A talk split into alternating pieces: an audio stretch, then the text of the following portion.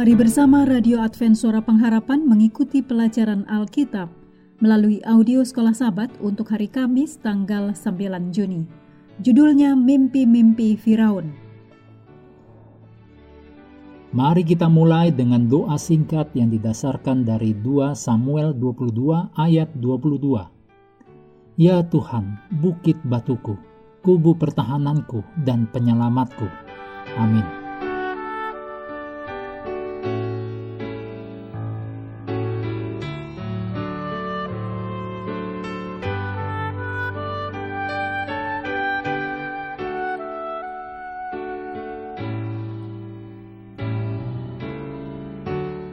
Anda perlu membaca kejadian 40 ayat 1 sampai pasal 41 ayat 36.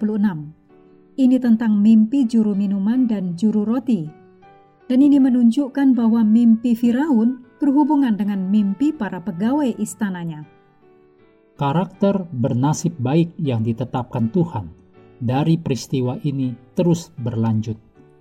Seiring waktu, Yusuf ditugaskan untuk bertanggung jawab atas para tahanan Dua di antaranya kebetulan mantan pegawai Firaun, juru minuman dan juru roti.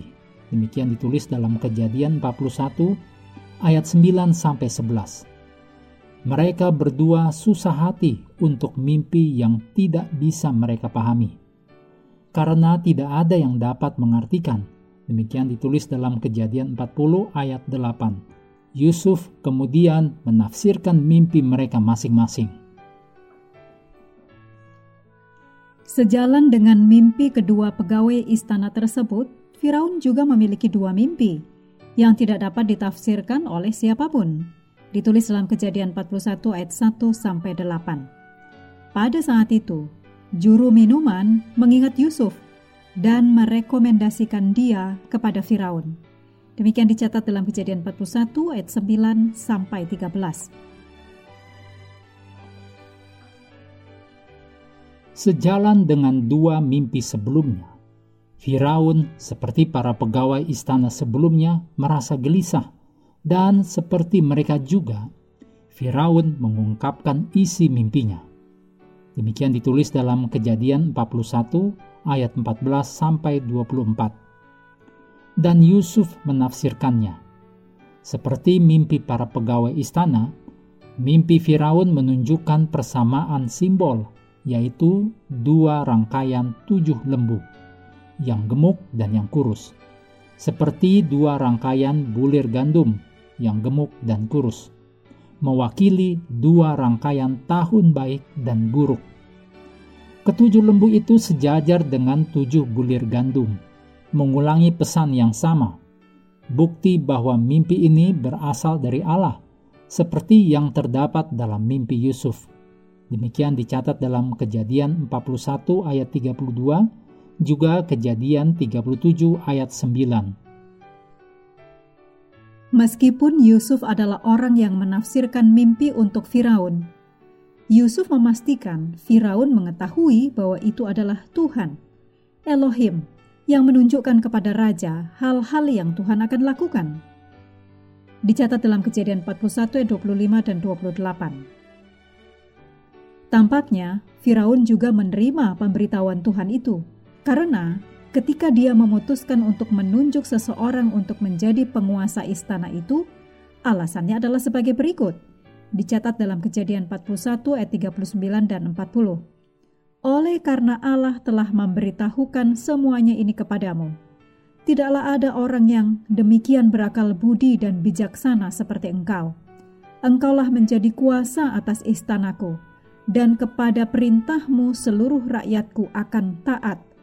Hanya tahta inilah kelebihanku daripadamu. Sungguh menakjubkan. Terima kasih Tuhan.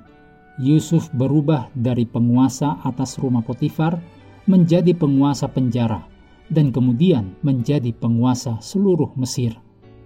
Sungguh kisah yang luar biasa tentang bagaimana bahkan di tengah keadaan yang tampak seperti keadaan yang mengerikan, pemeliharaan Tuhan dinyatakan.